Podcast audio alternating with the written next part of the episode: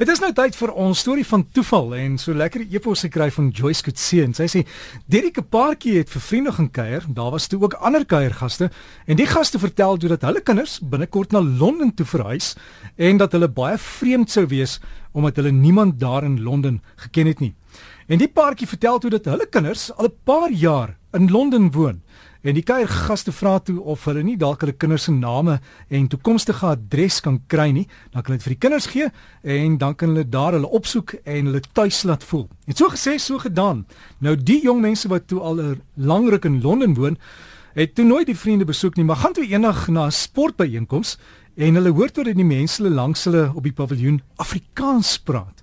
En toe hulle nou later begin kennis maak, is dit toe die einste jong mense wie se name en adres hulle gehad het, maar hulle het toe nog net nie by hulle uitgekom nie.